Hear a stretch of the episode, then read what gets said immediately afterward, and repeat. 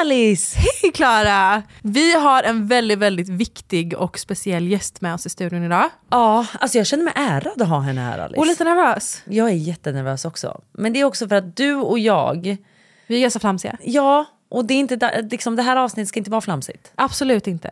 För jag tror att det inte bara är du och jag som känner oss oroade över hur samhället håller på att utveckla sig. Sju mord på tio dygn i Uppsala och Stockholmsområdet. Nationella bombskyddet är nu under morgonen på plats vid ett flerfamiljshus i Mölndal söder om Göteborg efter en detonation i natt. Fjärde på en vecka och för andra natten i rad så har det skjutits i Uppsala. Det är knappt att man finner ord Våldsutövarna misstänkta och dömda för grova brott blir dessutom allt yngre. när man ser att det här bara fortsätter och fortsätter och fortsätter. Ska man våga släppa barnen till skolan? Ska jag kunna gå till, till jobbet? Vågar jag vara ute på, på kvällen? Vågar jag gå ut med, med hunden? Och det finns ju inget riktigt bra svar på det. Det tycks inte finnas ett stopp. Nej, men jag har ont i magen varje gång jag eh, tar del av nyheterna idag. Gängskjutningar, unga dör. Och det händer överallt. Hela tiden. tiden. Och det är vad vi ska prata idag om. Vi har ju faktiskt en kvinna här som har jobbat både mm, politiskt men som sen då valde att eh, öppna en egen byrå, jobba som jurist där hon då hjälpte familjer vars söner då som har fallit för gängkriminalitet. Men som också har skrivit en otrolig bok, Mitt ibland oss som den heter. Och gästen vi har här idag heter ju alltså Evin Settin.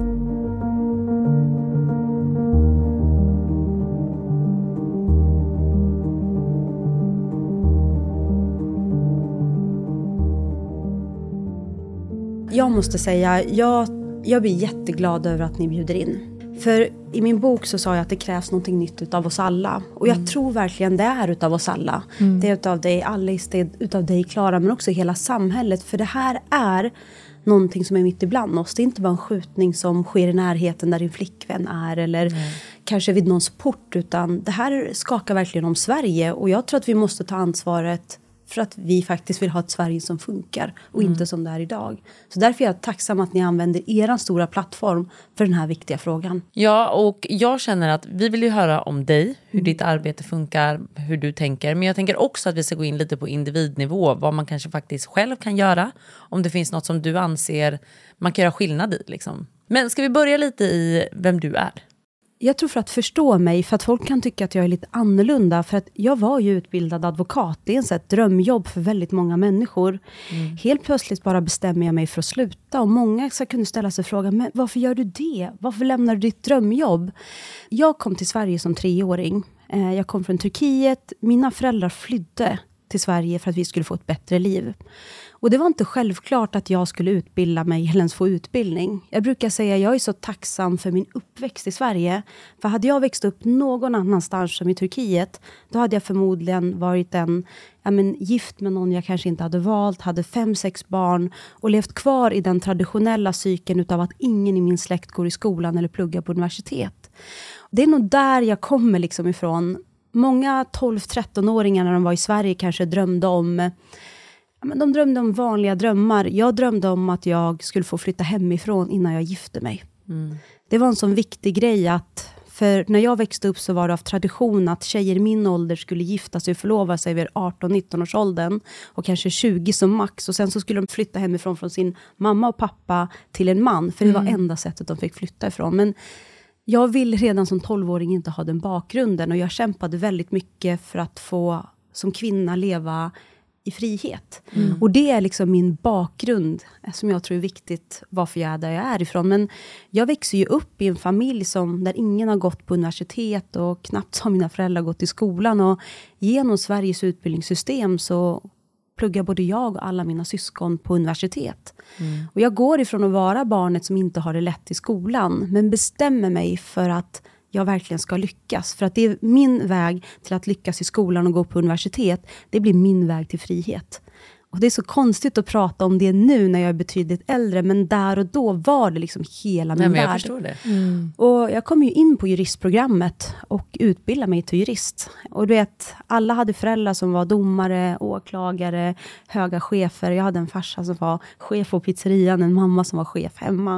Och jag tror den där bakgrunden i att veta att man inte har någonting och växa upp i en sån miljö, gör att jag kan förstå när barn och ungdomar har det svårt hemma. När de inte har ekonomin när de inte vill belasta sina föräldrar och be om några hundralappar eller någonting nytt. För jag vet vad det innebär att vara barn och känna att jag inte vill köpa friidrottsskor för att då behöver min pappa sälja extra korvar i Mm, det. Och det har ju format mig som människa väldigt mycket. Och jag tycker att det är så här vi egentligen ska prata om när vi presenterar oss. För ofta så pratar vi så här, jag har gått på det här universitetet, jag har gjort det här, jag har gjort den här karriären. Men det tycker inte jag säger så mycket om människor, utan snarare vad man har för erfarenheter av livet. För då tror jag att många människor kan connecta mer ihop med varandra. Men jag har gjort allt ifrån Ja, men jag har haft jobbat med grova mordärenden. Alltså, fram till 2022 så hanterade jag så mycket mord och mordförsök att jag på något sätt inte klarade av det längre. Bara under 2021-2024 hanterade jag fyra mord på unga killar som inte ens fick uppleva sin 25-årsdag. Van att hantera små barn. Småsyskonen till de killarna som har blivit mördade. Som är rädda, som tänker att om jag sover, kommer den här personen som har mördat min bror komma hem till oss? Eller jag är van vid barn som säger att jag får ont i magen varje gång jag går till skolan, för jag passerade, min bror låg där ensam. Och när jag går förbi där så får jag ont i magen och så går jag till skolan och inte mår bra. Men jag har också hanterat så barn som inte tror på att deras bröder har blivit mördade och säger så här, han kommer komma hem snart, mamma ringer hans telefon, han, han kommer svara snart. Och det är de som oftast inte har fått se och ta farväl av sin eh, brors liksom, döda kropp. Så att, det låter så konstigt att prata om det, men det finns en verklighet som är så tragisk där ute.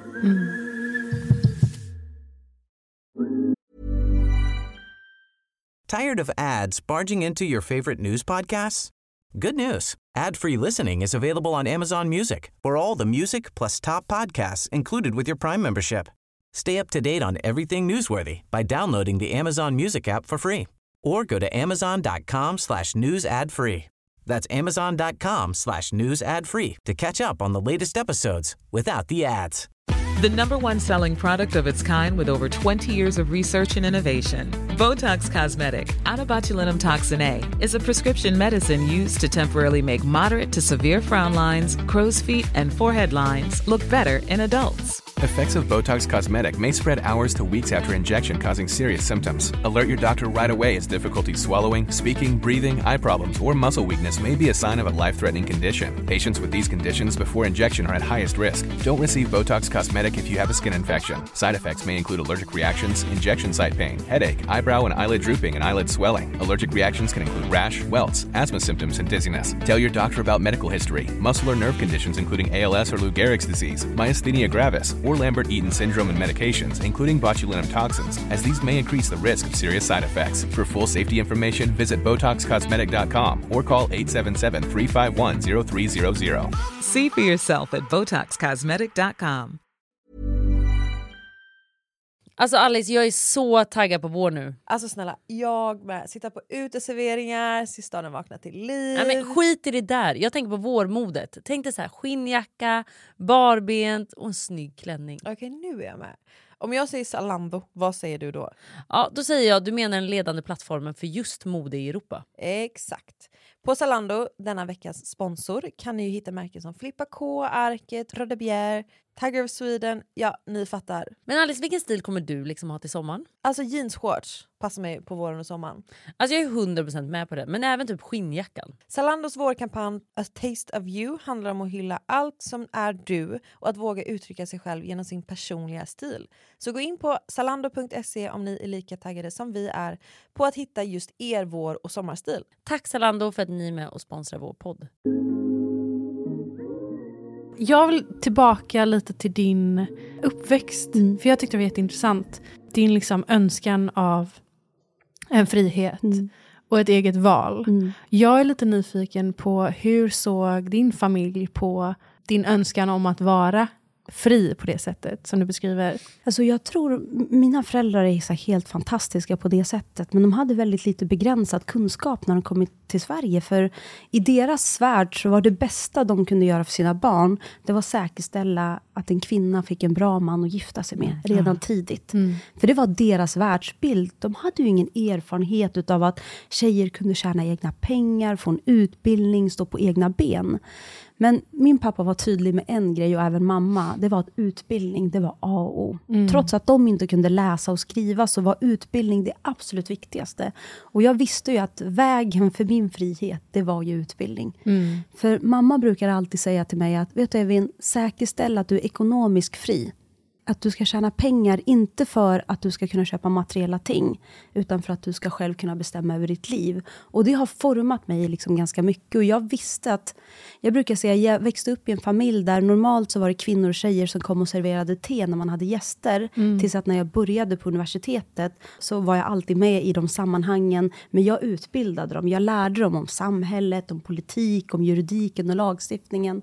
Och det jag säger, det är så häftigt att se makten över utbildning och kunskap.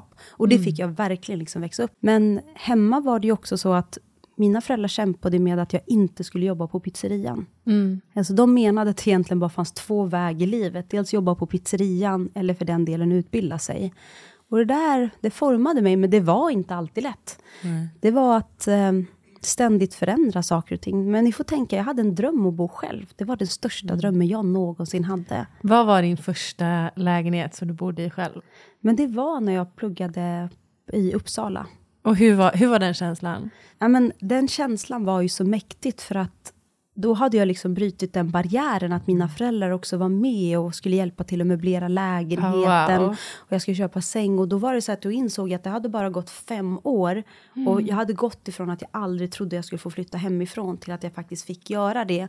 Och den känslan av att göra den resan tillsammans med sina föräldrar, jag trodde var den som var mäktig. Mm. För då hade jag inte bara räddat mig själv.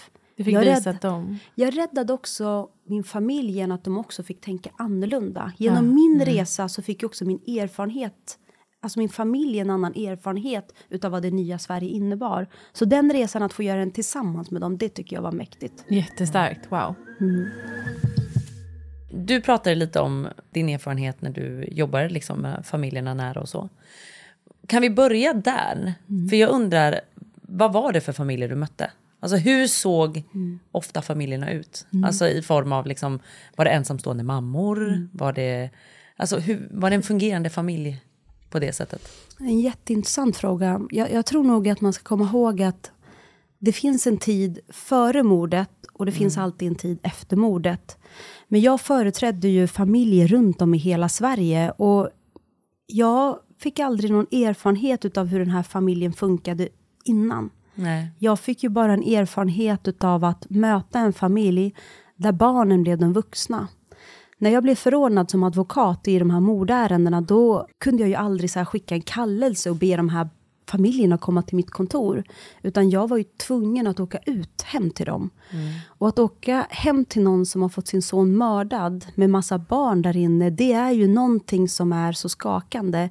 Jag brukar säga, man går fyra och ett halvt år på juristprogrammet, men ingenstans blev jag förberedd hur det är att möta människor i trauma. Nej. Eh, och vet, jag, var, jag var relativt ung när jag började och jag kunde stå där och sitta i min bil och säga bara nu måste jag samla mod, nu måste jag samla kraft för jag ska gå in och möta människor rakt in i trauman. Har du ett första tydligt minne av ett sånt besök? Ja, det är ett av de första morden jag har. Eh, där en eh, åttaårig tjej har förbevittnat ett mord utav en nära familjemedlem. Och, Åtta år. Ja, och jag brukar säga så här, jag kan hantera vuxna, men jag kan inte hantera barn. Mm. Jag kan inte hantera barn för att de är så oskyldiga. Jag kan inte hantera dem, för egentligen vill man i det sammanhanget egentligen adoptera alla de här barnen och ge dem någon bättre förutsättning, men det går liksom inte. Och jag tror det är så svårt med barn i de här situationerna, för barn ska inte få uppleva döden i Sverige på det Nej. sättet. Barn ska inte behöva vara rädda utav att vara hemma, men när du kliver in i den dörren så ändras det ju någonting. Då inser att de här barnen får inte vara barn när ett mord sker. Nej. Du vet, det finns ingen myndighetsstruktur som är där och stöttar Nej. för dem. Det finns ingen kommun som är där på plats, utan det viktigaste det är att polisen är där och ska ställa frågor och Mm. hantera det hela. Men kaoset är där hemma. Ingen funderar kring hur, vad barnen går igenom. Alla funderar kring att det är en mamma som inte funkar, en pappa som är desperat, polisen som är i jakt över att alla ska få prata, vilket är helt rätt, för de måste samla bevisning. Men Deras hem, deras bostad blir liksom en brottsplats. Deras liv blir liksom bevisning. Och det är det man hanterar. Och mitt i det som advokat, jag gör ju allt det, men jag ser också de här barnen. Mm. Och det är någonting i att möta ett barn som faktiskt är rädd Mm. och inte har blivit tränad i hur du ska möta det. Mm. Men när du kliver in i de här familjerna så är det ju oftast, alltså, de flesta mord som jag har haft, då är det ju avsaknad utav en pappa. Ja, det är så. Ja, men det är också familjer som bor i de särskilt utsatta områden. Mm. Det är de områden där arbetslösheten är som lägst, där eh, skolresultaten är de absolut tuffaste.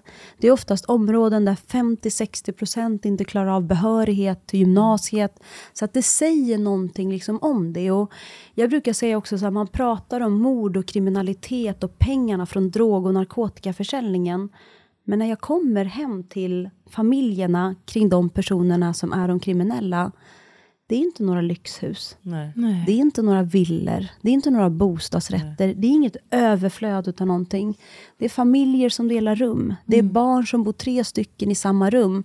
Det är enkel möblering, så jag tror så här, när jag kommer in i de här familjerna så inser jag att bilden av de här pengarna, det existerar i alla fall inte hos familjerna.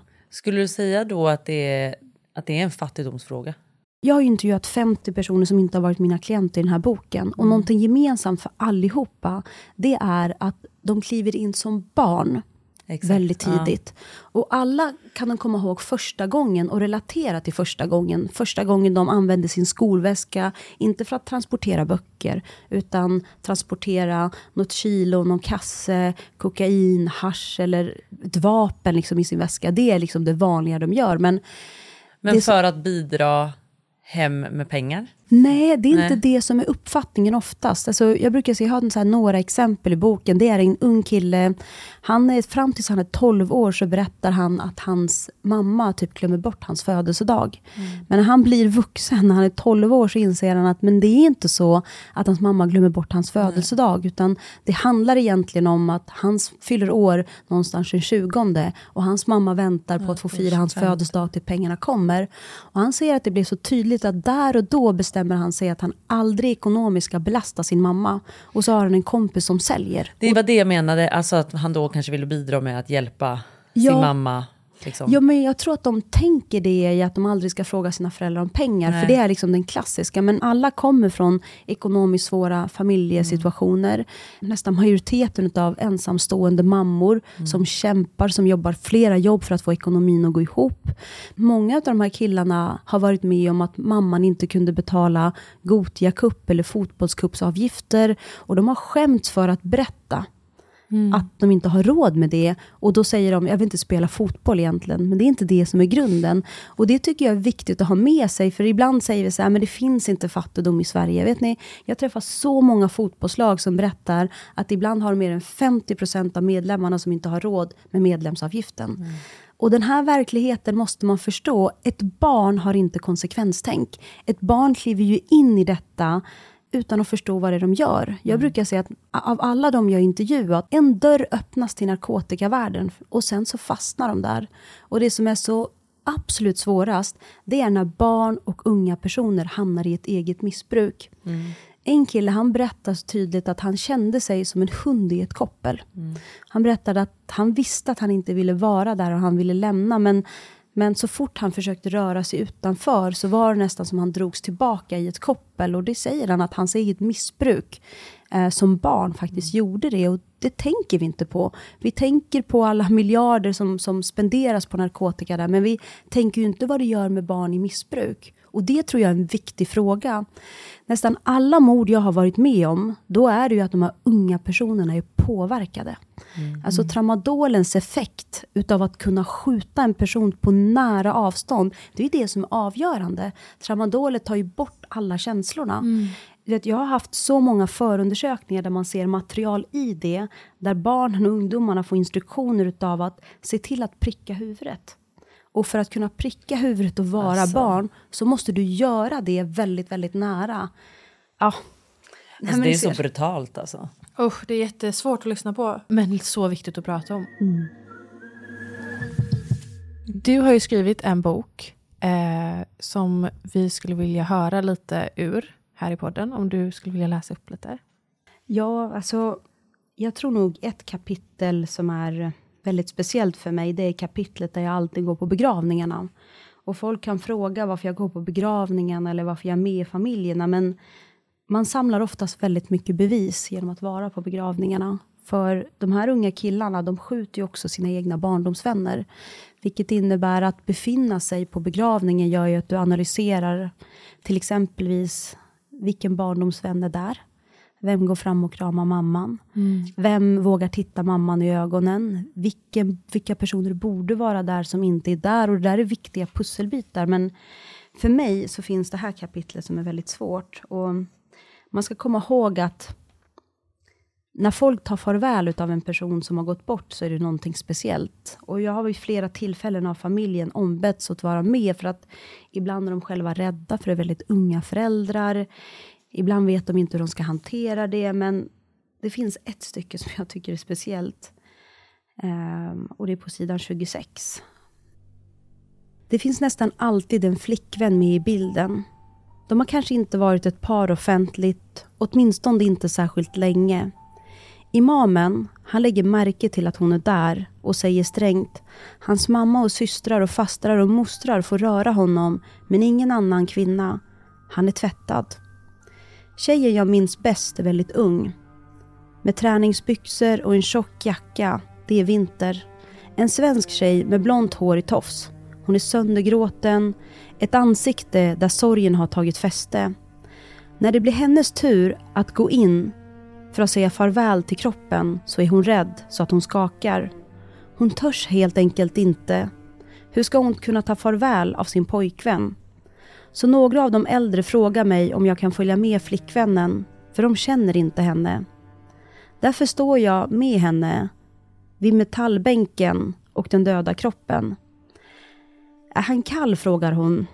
Jag svarar inte. Jag har faktiskt ingen aning. Får jag röra vid honom? viskar hon, trots att hon måste ha hört vad imamen sa. Jag vågar inte, men jag vill. Jag måste få ta farväl av honom. Är det okej? Okay? Och där står jag och jag vet att imamen skulle säga nej, för du är inte hans fru. Om du rör vid honom så måste han tvättas igen. Men jag vet också att den mördade mannen knappast efterlevde muslimska regler särskilt noga under sitt liv. Så varför börja nu när han är död? Men vad hade han önskat om han kunde se oss nu? Jag säger till flickvännen att det bara är hon som kan fatta det här beslutet. Hon står nära kroppen och hon tvekar. Folk kommer in och säger att tiden är ute. Hon är den sista, sen måste vi alla gå härifrån. Helt plötsligt så kysser hon sin mördade pojkvän på hans panna. Under kanten på mössan som döljer skotthålet i hans huvud. Jag känner hur tårarna rinner ner för mina kinder. Flickvännen, hon kollapsar och hon måste bäras ut ur rummet.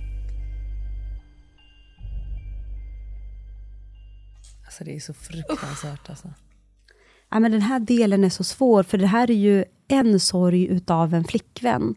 Men då ska man tänka sig hur en mamma tar farväl. Och jag tycker att det stycket är nästan jobbigare utav att läsa, så det vill jag verkligen inte göra. Och jag tror nog att, eh, du vet, vi ser nyhetsflasharna, vi ser skjutningarna, vi ser allt det här, men det finns också en sorg. Det finns människor som inte har valt detta. Det finns småsyskon, en mamma och en pappa som, som är rädda liksom för sitt eget liv. Och jag tror det är viktigt att förstå den, för de människorna finns i vårt samhälle.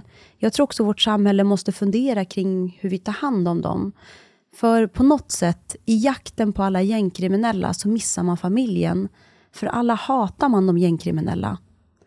Men hur gör man med familjen? Familjerna blir väldigt utstötta och här tror jag att samhället måste vara med och ta ett ansvar. Mm. Har vi någonting för familjer idag? Finns det någon typ av stöd? Nej, det är faktiskt ganska begränsat. Jag tror att man är van i det svenska samhället att man har kyrkan som hanterar det här. Kyrkan som har varit en liksom viktig stöd emellan en myndighetsstruktur och det andra. Men av alla de orden jag har så, så finns inte den strukturen. Familjerna lämnas väldigt ensamma. Så inte nog med sorgen, det mm. finns också en rädsla som kommer med, oh wow. Nej men det är det och det känns, jag säger det, det känns jättekonstigt att vara här och prata om det, men jag tror det är så många i vårt samhälle att man faktiskt ja, måste göra det. Man måste prata om det. Men hur skulle du säga att man, när behöver man gå in för att liksom bemöta de här ungdomarna? Jag tror nog att man måste fundera kring vad det är, vad man menar att gå in. Jag tittade på Agenda igår där alla partiledare sa om att vi ska ha hårdare tag, vi ska ha livstidsfängelse. Vi är beredda att göra allt som krävs på den brottsbekämpande sidan. Självklart behöver vi höja straffen för, för unga kriminella, de är för låga. I alla de delarna fler verktyg och möjlighet att sätta hårt mot hårt där det behövs. Och vi har föreslagit att man ska se över möjligheten till ungdomsfängelse. Har du mördat någon så ska du aldrig bli utsläppt igen. Jag tror nog jag vill bredda det perspektivet för att man ska förstå. Tänk er att det finns så många unga killar. De vet idag att i den kriminella världen så har man ett straff som inget demokratiskt land kommer kunna utföra. Mm. Det är dödsstraff. Vi kan ge livstidsfängelse men Sverige som en demokrati kommer aldrig verkställa dödsstraff. Men i den parallella världen, i den kriminella världen, när man sätter pris på någons huvud på 100 000, 200 000, 300 000 kronor. Det innebär att man har faktiskt beställt en avrättning. Och det är ett dödsstraff. Och inte ens det avskräcker de här unga killarna. Tänk dig att de vet att deras familjer kan vara med om en explosion utanför deras bostad. De vet att familjemedlemmar kan dras in i detta. Trots det så fortsätter de. Och när jag pratar med de här unga, unga killarna så är det någonting jag verkligen har förstått. Det är att fängelsestraff är ingenting som avskräcker dem alls. Och det beror på att de har kommit till det stadiet att de är så unga men de värderar inte sitt eget liv längre. Nej. Deras liv har på något sätt inte någon betydelse och det är det jag tycker är så farligt. Om du har en ung generation, om du har barn och unga personer som inte värderar sitt liv, hur ska den då värdera personen så den ska skjutas liv? Ja. Hur ska den bry sig om den familj som kommer drabbas? Ska den ens bry sig om sitt område, sin förort eller bry sig om Sverige? Och det låter konstigt, ibland känner jag att jag låter som någon religiös del men jag tror nog att den svåra delen det är faktiskt att få de här unga killarna att värdera sitt eget liv. Att livet är värt att leva. Och hur gör man det? Det räcker inte med fängelse. Och någonstans så brukar jag säga att jag har ju varit i, haft olika internationella uppdrag. Jag har till exempel varit nere i Syrien och träffat eh, unga killar som har varit med i IS, alltså ja, Islamiska staten, och krigat som barnsoldater. Och jag kan se att mellan barnen i Sverige som skjuter och mellan barnen i de här länderna så finns det likheter. Och någonstans så träffade jag en, en kvinna som ansvarade för de här unga barnen inom IS så sa hon så här, vi måste bemöta de här barnen att lära sig vad kärlek är. Det är det svåraste. Jag kan låsa in de här hur länge som helst, men någonstans måste det hatet som finns inom dem fyllas med någonting annat. Och det kommer aldrig ett fängelsestraff kunna göra, så man måste jobba med de här killarna på ett helt annat sätt. Och vad tänker du, vad tänker du där? Tänker du till exempel eh, alltså arbetsmarknad, få in dem lättare där? Alltså ge dem en andra chans helt enkelt. Först och främst så tror jag att man måste säkerställa att barn inte hamnar i ett missbruk som 12, 13, Mm. 14-åringar. Mm. Och det är en enorm utmaning. Du vet, det är så vanligt med tramadol, det är så vanligt med kristall, det är så vanligt med THC-björnar. Allt det här finns tillgängligt, så här, en Snapchat-del ifrån dem. Och det tänker jag så här, hur jobbar man med det? Hur får man barn att förstå den delen? För en stor anledning till att barn också hamnar i kriminalitet, det är det. Det är självklart den här livsstilen, men att kunna från det att tycka att hiphopmusik är coolt till att kunna begå mord är liksom en, det är väldigt många steg däremellan. Och jag ser ju tydligt att missbruket är en sån grej. Men jag skulle också vilja säga att jag tror de här ungarna skulle behöva drömma. Tror du att psykisk ohälsa är då en stor del till varför man hamnar in på ett sånt spår? Jo, men jag tror det är psykisk ohälsa där de inte heller kan kontrollera sina aggressionsproblem. En av delarna som jag tror att man måste hantera, det är att de här barnen får hjälp betydligt snabbare. En hel del utav dem har olika diagnoser. Det kan ta upp till två år från att man påbörjar en ADHD-utredning tills att man får sin medicin. Mm, man bara hinner så här, En, Det hinner du hin- hända ganska mycket då. Du, Liksom. du hinner, du vet, det, tar, det kan ta tre, fyra månader till att en ung kille kliver in i ett kriminellt gäng tills att den börjar skjuta. Mm. Och om inte du ens kan få in rätt behandling, rätt samtalsstöd, eh, alltså när du inte ens kan hantera BUP-köerna, kön till att få prata med en psykolog eller en samtalsterapeut, hur ska du då kunna hantera det? Så jag tror så här, vi behöver gå tillbaka till basic-delen. Vi behöver få de här delarna att funka väldigt mycket. Men jag tror också på att vi måste få de här unga killarna att tro på sig själv. Mm. Någonstans finns det en ung generation i förorten som känner sig stämplade långt innan de ens börjar bli ungdomar som kan funka i samhället. Någonstans måste vi fundera kring vad vi har gjort när vi har skapat förorter där så många inte klarar skolan. Där det är vanligt att växa upp med att ha så många arbetslösa vuxna runt omkring sig. Den här segregationen som vi har skapat, de här klassklyftorna som finns. Det är klart att det påverkar. Eh, och det där är en tuff match i att kunna ta. För vad händer att när man växer upp där som ung kille och veta jag kommer aldrig kunna få ett bostadskontrakt. Ingen i min omgivning får ett jobb. Sannolikheten att inte klara skolan är större än någonsin. Vad gör det med unga människor att växa upp i den miljön? Och jag tror att till slut så blir vi en produkt av den miljön vi är. Jag vet i alla fall, umgås jag med alltså stora entreprenörer, till slut anammar jag det. Umgås jag med människor som tränar otroligt mycket, till slut hamnar jag i det mindsetet. Men det man, mindsetet och de förutsättningarna ut, ut i förorterna är fruktansvärda. Du vet, många av de här barnen, de har växt upp med att deras föräldrar aldrig har fått en chans på arbetsmarknaden i Sverige. Och vad hände? Den enda arbetsförmedlingen som är öppet 24-7, vet ni vad det är? Jag brukar kalla det narkotikabemanning AB.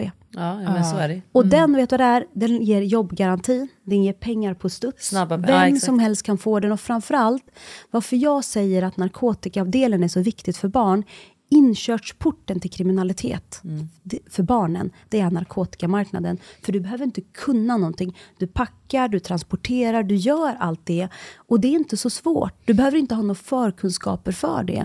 Men att begå ekonomisk brottslighet, välfärdsbrott och allt det där, det kan du inte göra som barn. Så om vi ska rädda barnen, då tror jag att vi måste säkerställa att vi skyddar dem, liksom stålsätter dem, så att de inte kan påbörja och ens attraheras av narkotikaförsäljningen.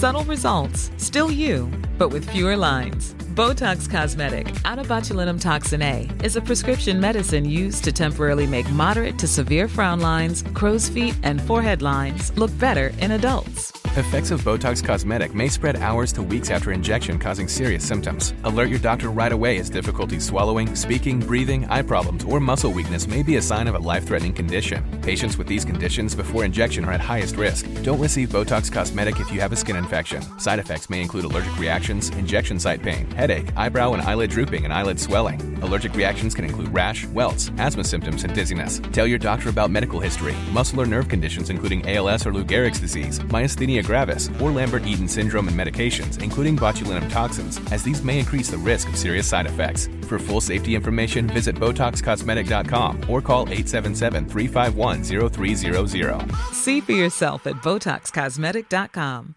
Tired of ads barging into your favorite news podcasts? Good news. Ad-free listening is available on Amazon Music for all the music plus top podcasts included with your Prime membership. Stay up to date on everything newsworthy by downloading the Amazon Music app for free or go to amazon.com slash news ad free. That's amazon.com slash news ad free to catch up on the latest episodes without the ads. Hey, I'm Ryan Reynolds. At Mint Mobile, we like to do the opposite of what Big Wireless does. They charge you a lot, we charge you a little. So naturally, when they announced they'd be raising their prices due to inflation, we decided to deflate our prices due to not hating you. That's right. We're cutting the price of Mint Unlimited from $30 a month to just $15 a month. Give it a try at mintmobile.com slash switch. $45 upfront for three months plus taxes and fees. Promo rate for new customers for limited time. Unlimited more than 40 gigabytes per month. Slows. Full terms at mintmobile.com. Alice, Alice, Alice. Ja, Klara. Vi har en ny sponsor i podden. Lyko! Lyko! Alltså jag älskar dem! Nej men alltså finaste Lyko. Det finns typ ingenting de inte har. De har alltså 60 000 olika skönhetsprodukter. Alltså förstår du hur mycket det är? Om jag säger så här, hårprodukter. Ser du ändå hur fint mitt hår är trots att jag bara har en enkel tofs? Mhm. Lyko. Vi snackar smink. Ser du hur snygg jag är? Mhm. Om jag säger hudvård, om jag säger doft, om jag säger kosttillskott. Nej men om jag säger bara så mycket som en sexleksak så säger jag fortfarande Lyko. Nej men det är helt sjukt. På tal om sexleksaker Alice, så har faktiskt jag tänkt att jag ska försöka spicea upp det lite där hemma och överraska John. Är det sant? Ja. Vadå med sexleksaker från Lyko? Men precis. Och fort går det när man beställer. Alltså jag fattar inte hur de får till det. Alltså jag beställde mina grejer typ igår. Och då kommer de vara hemma hos dig typ idag. Ja. Precis. Alltså vi måste också nämna Lykos otroliga kundklubb. Alltså Lyko Club. Om jag är medlem. Det är jag med och jag, alltså Alice jag har så mycket poäng nu va? Och det kostar ingenting. Det är helt gratis. Och som medlem så får man mail om kampanjer, nya produkter och även då Club Weeks. Och under Club Weeks så är det bara vi som medlemmar som får tillgång till deras deals och kampanjer. Otroliga Club Week. Och vet du vad Alice? Vadå? Varje köp man gör ger alltså poäng. Ja precis, och det får man använda i Lykos poängshop där man kan byta ut poängen mot de produkter man vill ha. Nej men herregud, som jag sa, jag har så mycket poäng. Och om ni älskar skönhetsprodukter lika mycket som oss så borde ni också bli medlemmar nu direkt. Tack Lyko för att ni är med och sponsrar vår podd. Tack Lyko! Hur tänker du att till exempel vi då som har stora plattformar, hur skulle vi kunna hjälpa ungdomar? Det där är en jätteviktig del. Ehm, Jag skulle nog vilja se en viktig grej som vi måste börja prata om. En lönehelg i Stockholms innerstad. Mm. Vet ni hur mycket narkotika det brukas? Om man räknar halterna från avloppsvattnet till kronor. Gud, det här har jag hört. Och det är sinnessjukt. Jag vill jättegärna veta. En lönehelg, 30 miljoner kronor. Alltså det är så Åh herregud. Och jag tror att varför jag tar upp den siffran, jag vet att människor har det svårt, en del hamnar i missbruk och, och jag vet att den grejen är tuff. Men jag vill lyfta barnperspektivet till detta. Hur många barn och ungdomar behövs för att omsättning på 30 Mm. miljoner en lönehelg ska ske? Vilka barn är det som ska hantera det? Det är förortens barn som bär narkotikaförsäljningen runt om här där vi sitter på sina axlar. Med, sin, med sitt liv som Med insats. sitt, sitt liv, exakt. Och jag brukar säga så här, um, jag har många som säger så här, vad kan jag som privatperson göra? Och då brukar jag säga så här att säkerställ att din langare inte är ett barn. Men hur säkerställer man det? Jag tror att det går att göra det. Jag tror att det går att prata om det. Man vet att man har människor runt omkring sig. Jag hade en kvinna som hörde av sig. Hon jobbade faktiskt på en myndighet i Sverige. Jag trodde hon ville bjuda in mig som föreläsare. Men hon ville prata om sitt perspektivskifte sen hon läst boken. Hon röker på lite då och då. För henne var det liksom en vardag. Hon hade många anledningar till varför hon gjorde det. Och sen sa hon så här, jag har egentligen alltid åkt med min bil. Och sen så har jag hämtat. Jag har alltid kollat utåt så att inte någon ska se mig. Hon bara, min första gången så hände någonting när jag läste din bok. Det var första gången jag tittade i ögonen på den som lämnade över drogerna. Hon bara, då inser jag att det är en ungdom. Och hon bara, bara det gjorde en förändring för mig. Hon bara, jag har aldrig reflekterat eller brytt mig om den personen som säljer. Jag har bara brytt mig om mig själv. Och det tycker jag är jätteintressant. Jag ska också säga så här, jag har människor i min omgivning som lever det livet, som tar de där drogerna. Så jag försöker verkligen inte moralisera, men jag tror nog att man ska veta, det är någons krona idag som finansierar dödsskjutningen. Det är någons krona som finansierar köpet av skjutvapnet. Det är någons krona som finansierar det vi alla kallar barnsoldater. Vi vet inte bara vems krona det är. Och jag vet att diskussionen om ehm, om legalisering, avkriminalisering pågår. Men just här och nu, då tycker jag faktiskt att man ska ta sitt ansvar och säga, så länge det pågår så som det gör, så ska jag ta mitt ansvar och säkerställa och inte ta. Du vet, 30 miljoner på en lönehelg, det är många barn som behöver hantera det. Det vet vi. Vi vet att det är fakta att barn hanterar det. Och då är min uppmaning till de enskilda personerna, säkerställ att din langare eller de du köper i inte använder barn på det sättet. Och då kan många säga så här, men hur ska jag säkerställa det? Ja. Det är din egen uppgift, men tänk Mm. oftast på det. En annan grej, det är ju också så här, det finns många unga personer som idag hoppar av kriminaliteten. Det är en positiv grej att många vill sluta. Men deras stora utmaning, det är ju faktiskt att om de har blivit dömd Alltså allt ifrån ringa narkotikabrott till misshandel till någonting som de har gjort som väldigt unga, så är de utdömda. Och min uppmaning är om det finns unga arbetsgivare eller någon som driver ett företag som lyssnar på det. Om det är en ung person som Mm. har ett belastningsregister, som söker ett vanligt hedligt jobb hos dig. Välj att prioritera den. För den här människan har redan bestämt sig för att lämna den kriminella världen Ja. och ta ett vanligt jobb. Och jag uppmanar till det för att inte det ska bli än mer destruktivt. För vad händer om alla de unga killar, men också tjejer, som vill lämna inte får en chans? Inte får komma Då tillbaka. finns det bara en väg att gå. Exakt. Jag möter ju många personer som jag har haft som, som klienter som blir dömda till fängelsestraff och sen kommer de ut. De lämnar fängelset, de lämnar anstalten, de kommer ut till ingenting. Och deras bild är att ingen kommer vilja anställa en person som mig, inte ens om jag vill vara hedlig medborgare igen. Och det är den stora utmaningen. De här rubrikerna, de gör ju att det också blir otroligt svårt att faktiskt lämna och få en ny chans. Och det tror jag att vi måste ta ansvar för. De här, är inte, de här killarna och tjejerna, du kan inte knäcka dem som pinnar och kasta iväg dem. För att vi ska kunna knäcka dem så måste vi knäcka dem från kriminalitet in till någonting annat. Det är lätt att få in folk i fängelset. Men det är mycket svårare att få in dem och bli en del av samhället. Mm. Och det ansvaret har vi allihopa. Verkligen. Vad tror du är mer det som driver dem än pengar? Jag tror gemenskapen. Gemenskapen är en hel del i detta. Men också i att de formas i en bubbla. Du vet, jag brukar säga så här, som advokat levde jag i en så här advokatbubbla. Jag har många influencervänner som lever liksom i den där bubblan. Jag har många politikervänner som lever i sin bubbla. Och de här kriminella unga killarna, de lever också i sin bubbla. Du De vet, får vara en del av någonting. Ja. Det finns en broderskap. Det finns en Ja. broderskap, men också ett systerskap. Det finns någonting som förenar dem. Och det är deras utanförskap. Men det är någonting också där saker och ting normaliseras. Du vet, ibland kan jag rannsaka mig själv och säga, men gud, varför gör jag så där för? Det är ju för att alla i min omgivning gör det. Och det beteendet som jag aldrig skulle göra har blivit normaliserat. Ja. Så är det för de här unga killarna. De begår både mord, det är inte så konstigt att goa ut någon. Det är inte så konstigt att använda våld. Det är inte så konstigt att leva i det där alltså icke-lagliga världen som de faktiskt lever i. För det är deras, det har blivit så normaliserat att det har blivit deras vardag. Men varför tror du att det har blivit ett så stort problem i just Sverige om vi ska jämföra med våra andra alltså nordiska grannländer? Liksom? Vet ni, I London, där skjuter man inte, där knivhugger man. Och det är en bild som vi oftast inte tänker på. Men du har haft den här problematiken med gängkriminalitet även i London, men då skjuter man inte utan där hugger man. Varför då? Jag vet inte, det är väl så ett mönster i att inte ens polisen i London använder vapen. Och då är det en sån kulturgrej att inte göra det. Men jag tror nog att förr i tiden så fanns det en struktur bland de gängkriminella. De kontrollerade från det att köpa in narkotikan och sen hela vägen ner. Nu har det skett liksom en avreglering, vilket innebär att du kan vara 20 år. Du kan krita på en halv miljon, köpa kokain eller hasch eller vad som helst för en halv miljon. Och så får du ett visst datum på dig att sälja det och sen så betala vad du har köpt narkotika för. Och det är oftast, problemet är att när polisen kontrollerar, när man är rädd för att det ska bli snodd, då har man en kort tidpunkt på sig, intervall, på att sälja ut det man har. Och då använder man barn i väldigt, väldigt unga åldrar. Och jag tror någonstans att eh, i ledarskapen på de här kriminella gängen, det är nästan som så dåliga vdar.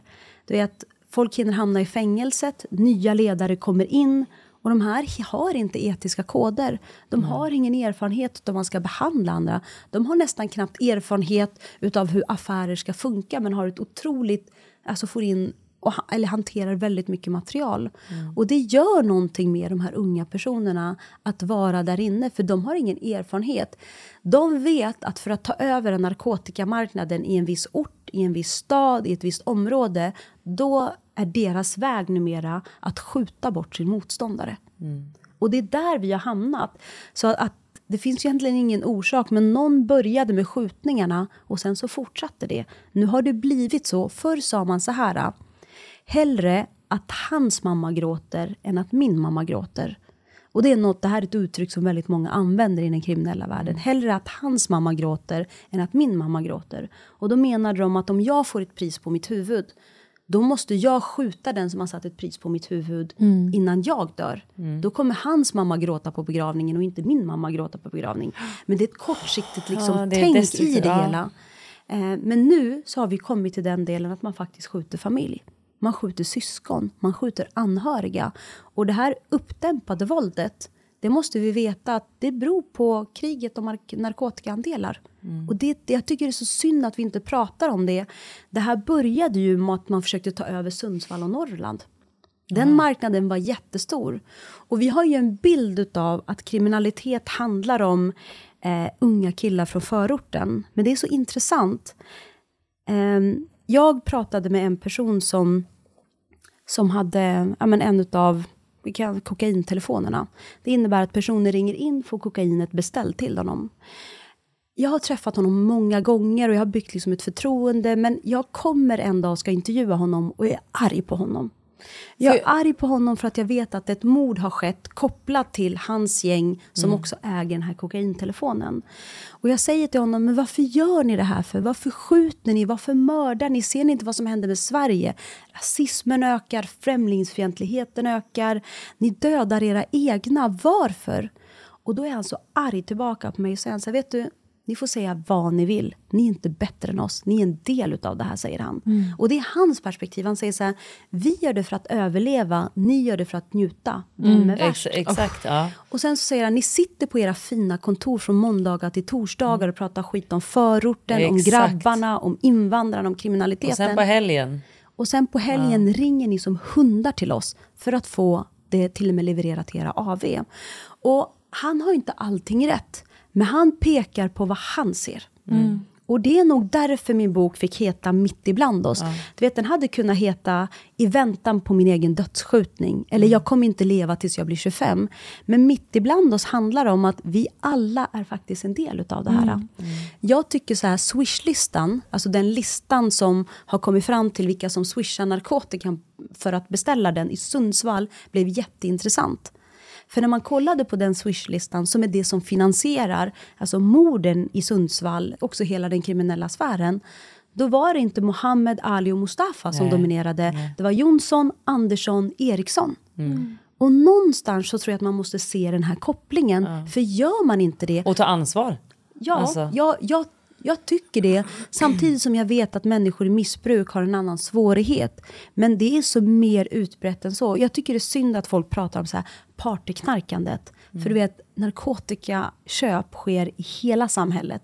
I alla spektrum. Det är bara att man ser när man mäter avloppsvattnet att kokainet går upp på fredagar och sen går stapeln ner liksom efter lördagen. Mm. Det är liksom det enda som är skillnaden när det kommer till narkotikamissbruket. Du träffar ju väldigt många av dem. Eh, och även ledare, om jag har förstått det, eller hur? Mm. Är du aldrig rädd? För om jag tänker om de har en hotbild på sig också. Mm. För det första, eller jag har nog två frågor i det. Varför anförtror sig de till dig? Mm. Och, och är inte du rädd? Det är mina frågor egentligen. Så, så intressant. Så intressant. Alltså, jag har jobbat med det här väldigt länge. Och mitt engagemang för barn och unga personer ute i förorten, det har liksom inte skapats med den här, den här boken. Jag brukar säga så, om man kollar tillbaka och söker i mitt arkiv, så skrev jag till och med hiphop-texter tillsammans med gruppen Medina redan för 14 år sedan. Alltså en handlar om för den du är och den handlar om att vara fattig och växa upp och vad som kan hända med en. Och jag tror att de de som kollar upp mig vet att jag har haft ett engagemang långt innan. Och för dem vet de att då är jag inte polisinformatör. Även om Nej. jag har blivit granskad, kontrollerad. De har delgivit information till mig för att de ska testa om jag är polisinformatör. Jag har åkt till länder och sen har jag behövt åka till ett annat land. Jag har åkt till städer har jag behövt åka till en annan stad. Jag har ibland så avtalat tider och sen ändrar de tre, fyra gånger för det. Men jag tror nog att jag har också öppnat upp mig för dem. Jag tror nog jag har byggt ett förtroende, men jag har också haft en överenskommelse att vad de säger till mig kommer jag aldrig att använda. Inte ens om jag skulle bli kallad till en rättegång kommer jag prata om vad de här killarna har sagt till mig. Jag har inte haft som avsikt att sätta dit någon. Jag har haft avsikt förstå, att eller? förstå vad som händer i ett av världens rikaste länder där unga killar kan mörda sina barndomsvänner. Om jag har blivit rädd? När jag var advokat så fanns det stunder där jag utav stämningen kunde vara rädd. Det ska jag faktiskt säga. Jag har ju haft rättegångar där, där jag sitter som en ung kvinna och sen så ska jag ja, men ställa frågor för att säkerställa uppgifter i en rättegång och så står det en publik med 30 personer där inne där du vet att väldigt många av dem tillhör högt uppsatta kriminella gäng eller vissa har ett våldskapital och sådär. En gång så vet jag att det var nog första gången jag blev rädd. Då sitter jag i en rättegång och sen så är det någon som skriker golar advokaten och så några andra grejer och kanske använder en del svordomar. Och det är klart att man blir rädd för att den personliga Evin blir ju rädd, men inte advokat-Evin. Och hur agerar man då? Man blir ju rädd och jag vet att jag var det. Jag tänkte, ska jag ställa mina kritiska frågor? Men då måste man ta tillbaka modet. Och jag hade en ung, eller en äldre erfaren åklagare som sa till mig, vet du Evin, du måste ta kontroll över din egen rädsla. Och då var säkerhetssituationen så pass stor i att eh, jag kunde inte röra mig fritt. Men, men jag bestämde mig då att jag skulle gå in till den publik som tittade på rättegången. Och jag skulle gå in den vanliga dörren och inte säkerhetsdörren där bakom. För jag behövde bryta den här nervositetsdelen. Mm. Men det finns, jag har aldrig varit rädd för dem jag intervjuat. Nej. Jag har alltid haft mellanhänder som har försäkrat dem att de aldrig kommer kunna skada mig. Men precis som du säger, många av dem har haft ett pris på sitt huvud. Och jag har alltid varit rädd att om någonting kommer hända så är det ju att någon annan vill skjuta eller göra någonting med dem. Och jag är där och då med dem alltså, vid det tillfället. Men jag har aldrig kunnat träffa de här killarna på kaféer, på restauranger, öppet på något torg. För de här killarna har ett pris på si- sitt huvud och jag brukar säga att de sitter inte i fängelset, men de är fängslade. Många av de här killarna kan ju aldrig vistas ute normalt. Nej. De lever oftast i fängelset i en lägenhet med fyra dörrar eller så befinner de sig i en bil.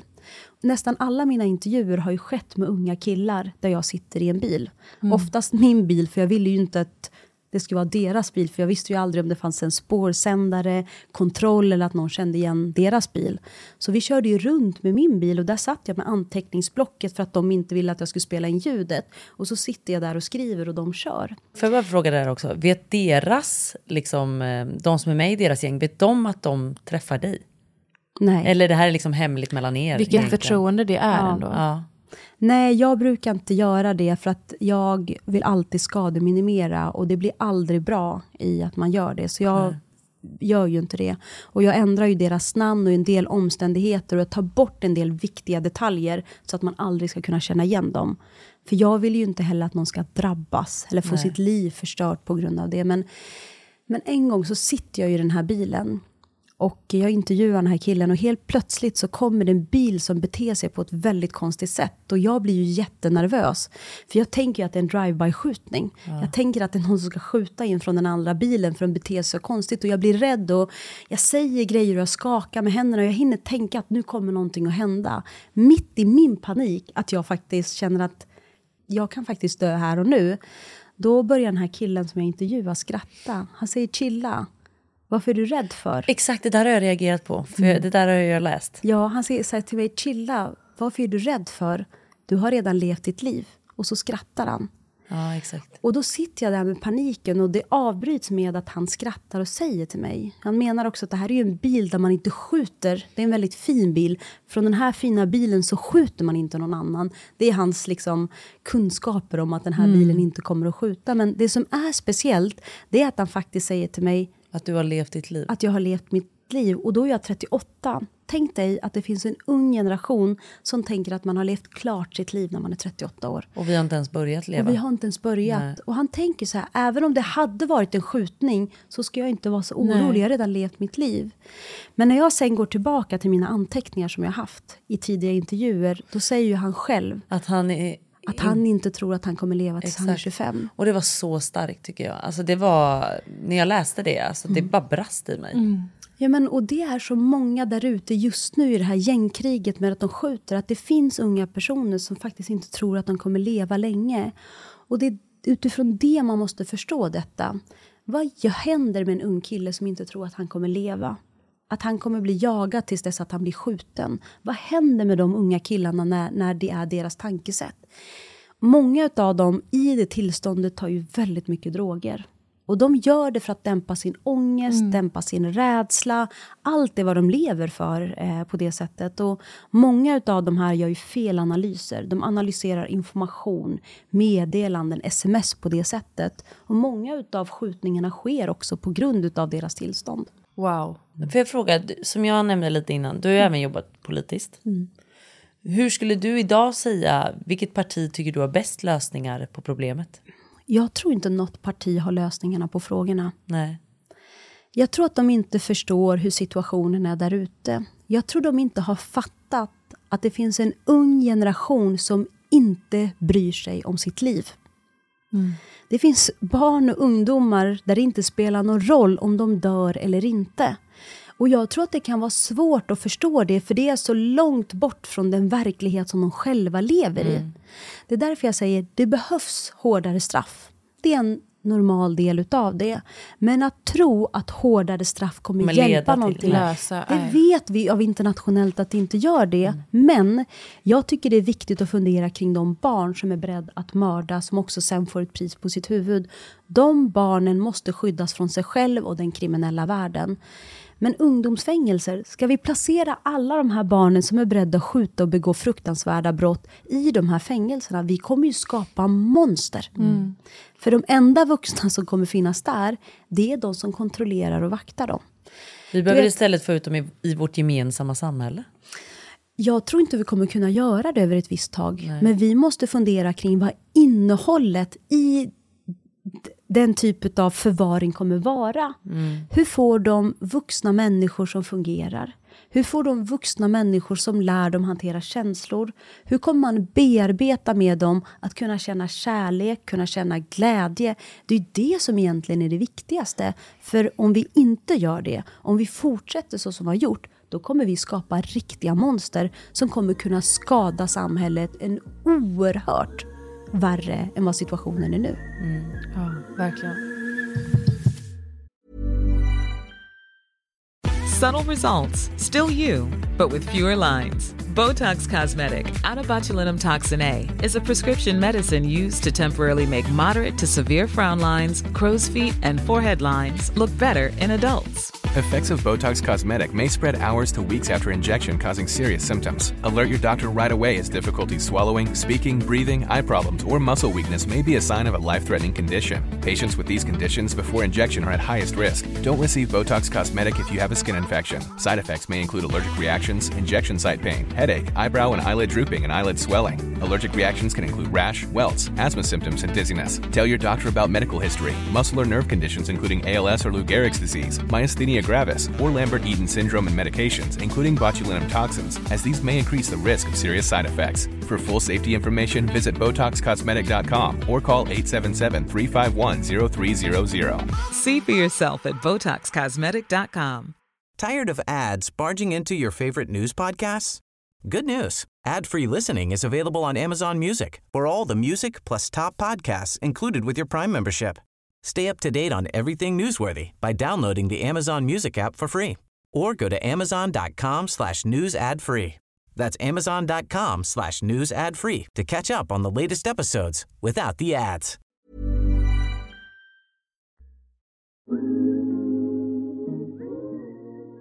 Får jag fråga, varför slutade du som advokat? Jag tror att jag är en människa som vill göra skillnad. Efter så många mord så kände jag att jag kom in för sent. Jag kom ju in när kistan skulle hissas ner.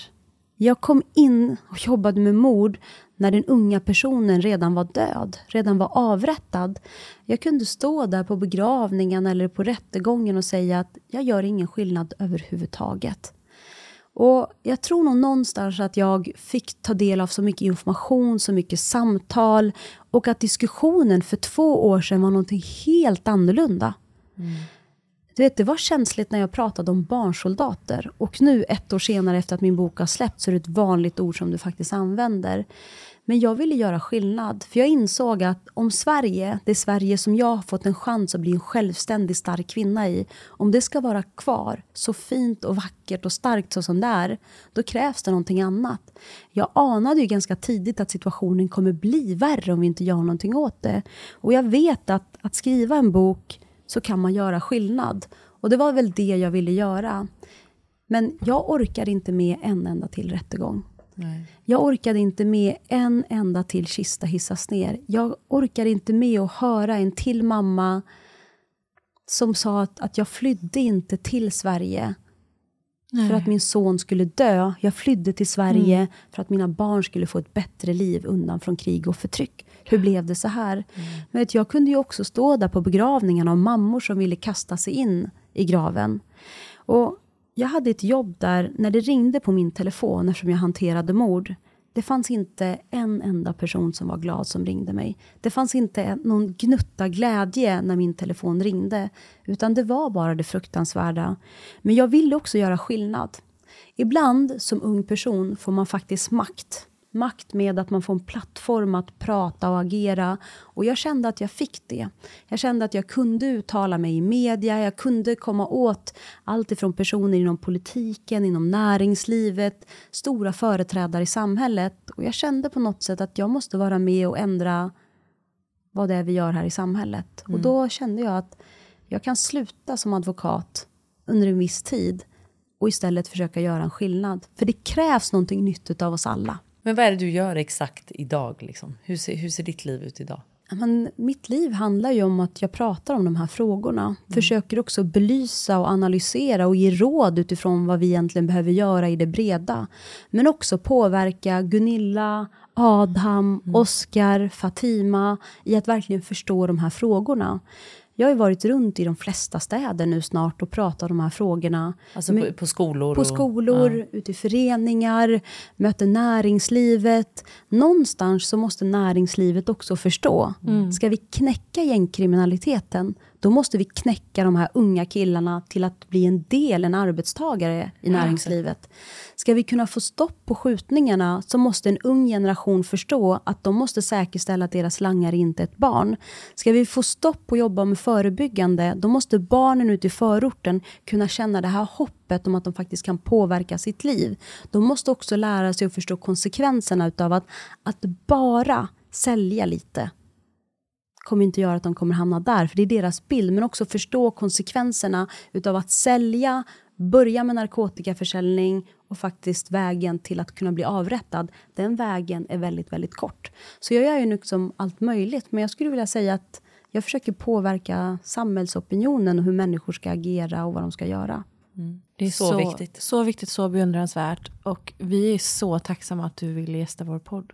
Det är verkligen Ja, verkligen. en ära för oss Jag båda. känner att vi har mest suttit tysta det här avsnittet, men det känns som att eh, det var viktigast att du fick liksom prata och Ja. förmedla. Och... Men min uppmaning är också att eh, kom ihåg att just nu finns det många familjer runt om i hela Sverige där de inte kan få hjälp av polisen på grund av att de är så många. Det finns alltså barn runt om i vårt samhälle som trots att deras familj har ett pris på sitt huvud eller en hotfull situation bor kvar i en lägenhet. Går kanske till skolan med rädsla. Och min uppmaning om det finns någon som lyssnar så är den här frågan någonting man bör hantera oerhört mycket och förstå den sorg och den tragedi som faktiskt Sverige är i. Vet ni vad som är så konstigt? Vi har haft så många mord. Har ni sett någon stor manifestation? Har ni sett något stort tv-program som har uppmärksammat det våld för att liksom ta avstånd från det? Har vi sett ett Sverige som samlas kring detta? Vart är den här äh, stora uppmärksammade liksom ceremonierna för det? Eller de här stora aktiviteterna i tv för att göra det? Vart är Finns de? inte. Det finns inte. Nej. Och frågan är, det här rör sig om ett segment av människor som har det otroligt tufft. Och det är när skjutningarna och våldet började komma till Vasastan, till Östermalm, Mm. till eh, någon idrottsplan liksom, där Mm. vanliga medelklassens ungar faktiskt härjar och spelar fotboll. Det var då egentligen de stora protesterna började Exakt. komma. Men vet ni, det som händer nu, det är inte någonting nytt. Nej. Nej. Det är inte någonting nytt överhuvudtaget. Vi har haft Det är unga bara att plötsligt personer... kommer det in nära där vi bor. Ja, eh, och exakt. då plötsligt Och då sker det liksom... Ja. En av de här unga killarna, han sa till mig, är man fattig och har ett pris på sitt huvud, då dör man mycket snabbare. Och jag kan säga så om de här familjerna. Är man fattig idag och har en son som är med i kriminalitet, där man själv inte stöttar det, då kommer man tyvärr dö mycket snabbare. Och det måste man hantera och göra någonting åt. Ja. Jag vet, jag vet, det, det är Gud, så mycket känslor det är i så min kropp. Stort där jag, jag bara känner så här, ja. Eh. Man känner sig uppgiven. Man känner sig verkligen liksom uppgiven och liksom... Fast det ska man inte heller göra. Kom ihåg, runt om i världen så är man med om olika svåra grejer. Det enda sättet det är faktiskt att samhället kan enas. En, en positiv del det är att man måste också ha hopp för alla de som hoppar av. Det finns en kille som heter Roy i boken. Han har varit eh, Botkyrkas största väcknare. Det finns något fint i honom för att han får en chans. Han har ju en bild av att eh, om man håller på med teater, då är man på något sätt, han uttrycker liksom ett, ett ord som jag inte alltid tycker, men han, han fick en frågan om han ville vara med i en teater. Mm. Och han kände sig så kränkt och sa han så här, se ut att vara bög, sa han. Mm. För i hans världsbild så är det så att människor som håller på med teater är någonting liksom helt annorlunda. Men han lyckades bli övertygad och så fick han spela en roll i så Uppsala stadsteater. Men han började där och helt plötsligt började media ringa och sa har ni anställt en person som heter Roy som har liksom den här kriminella liksom bakgrunden? Och Roy hade ju lämnat allt det här. Men det som händer det är att teaterledningens svar är det som ger mig hopp om samhället. Teaterledningen sa att hela teaterledningen står bakom Roy. Vi vet att han har förändrat sitt liv. Och Roy, han blir så överlycklig för det är första gången någon backar Står upp för honom, honom. Ja, och står exakt. upp för honom. Gud, jag ryser verkligen. Jag men, och det där är så viktigt. Jag möter, Extremt viktigt. Jag möter så många unga killar som vid något sätt påbörjar liksom ett nytt liv, som vill få en ny chans. Och jag möter så många unga personer som är 16, som är 17, som där familjen har det svårt ekonomiskt och att de behöver få en chans.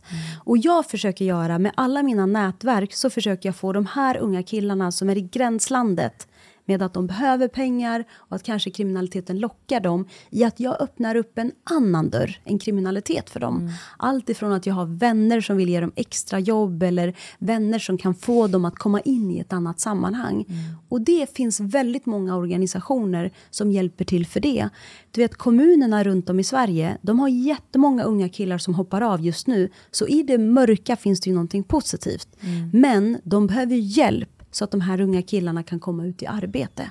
Och det är en sån otroligt viktig grej som för oss att göra. Och var hittar man de här organisationerna? Ja, men kommunerna, alla Okej. kommuner i Mm. Sverige har så många som behöver faktiskt få ett jobb. Mm. Och framförallt unga killar, men också tjejer som har hoppat av kriminaliteten. Så vill man hjälpa till, är man en arbetsgivare som vill öppna en dörr, vänd dig ditåt.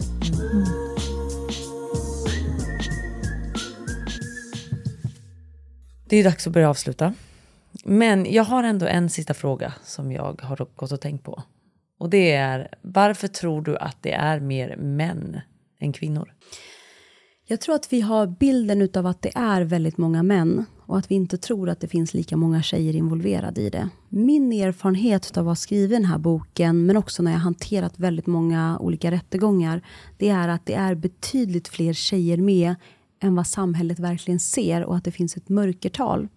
Du vet, vi har en bild av att unga tjejer inte har ett våldskapital. Vi har en bild av den liksom kvinnliga feminina sidan, att de inte kan vara kriminella.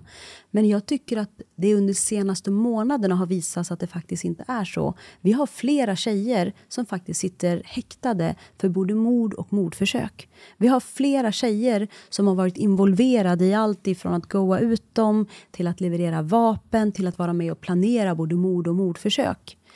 Jag är ju livrädd för den att vi kommer till den delen att vi har en av de stora ledarna som faktiskt är en tjej. Varför det är fler killar just nu, det är att väldigt många började väldigt tidigt som barn. Men jag har ett kapitel som beskriver också tjejernas situation i detta. Och jag tycker det finns ett citat där som är väldigt, väldigt intressant. Det är en ung tjej som är väldigt involverad. Hon distribuerar liksom narkotika i sitt underliv under tiden det var väldigt svårt till olika länder som har dödsstraff. Och då är det att hon försöker få in den avancerade, dyrare då, drogen pink kokain i det. Hon använder sitt underliv för att transportera det. Och hennes beskrivning när jag säger om hon inte är rädd, då säger hon någonting att det här ansiktet, det kan komma undan med ganska mycket. Och jag tror nog erfarenheten utav att tjejers delaktighet är hög i kriminella gäng. Men samhället ser dem som offer och Mm. tjejerna spelar verkligen på att kunna vara ett offer. Jag har mött för många tjejer som är verkligen brutala i sina handlingar. Och den delen den kommer att uppdateras för nu fokuserar man också på väldigt många olika tjejer. Oh, wow. Ja. Hörni, eh, vi uppmanar er alla till att läsa den här boken, Mitt ibland oss.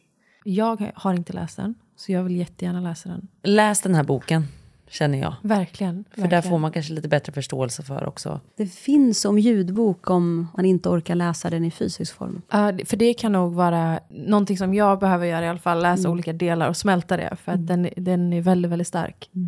Tack så mycket för att du ville vara med och gästa våran podd. Ja, stort tack. Tack för Verkligen. att ni använder er plattform för att göra det. Det tror jag ni ska ha en jättestor eloge för. Det känns jätteviktigt. Jätte, jätteviktigt. Tack. Tack och tack mycket. för er som har lyssnat och vi ses nästa vecka. Det gör vi. Hej då.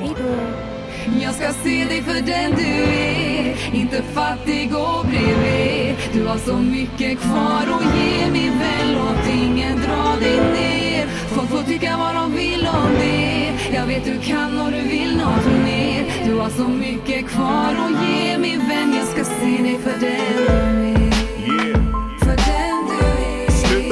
mig vart jag kommer ifrån. Fråga mig vart jag är på väg istället. Yeah.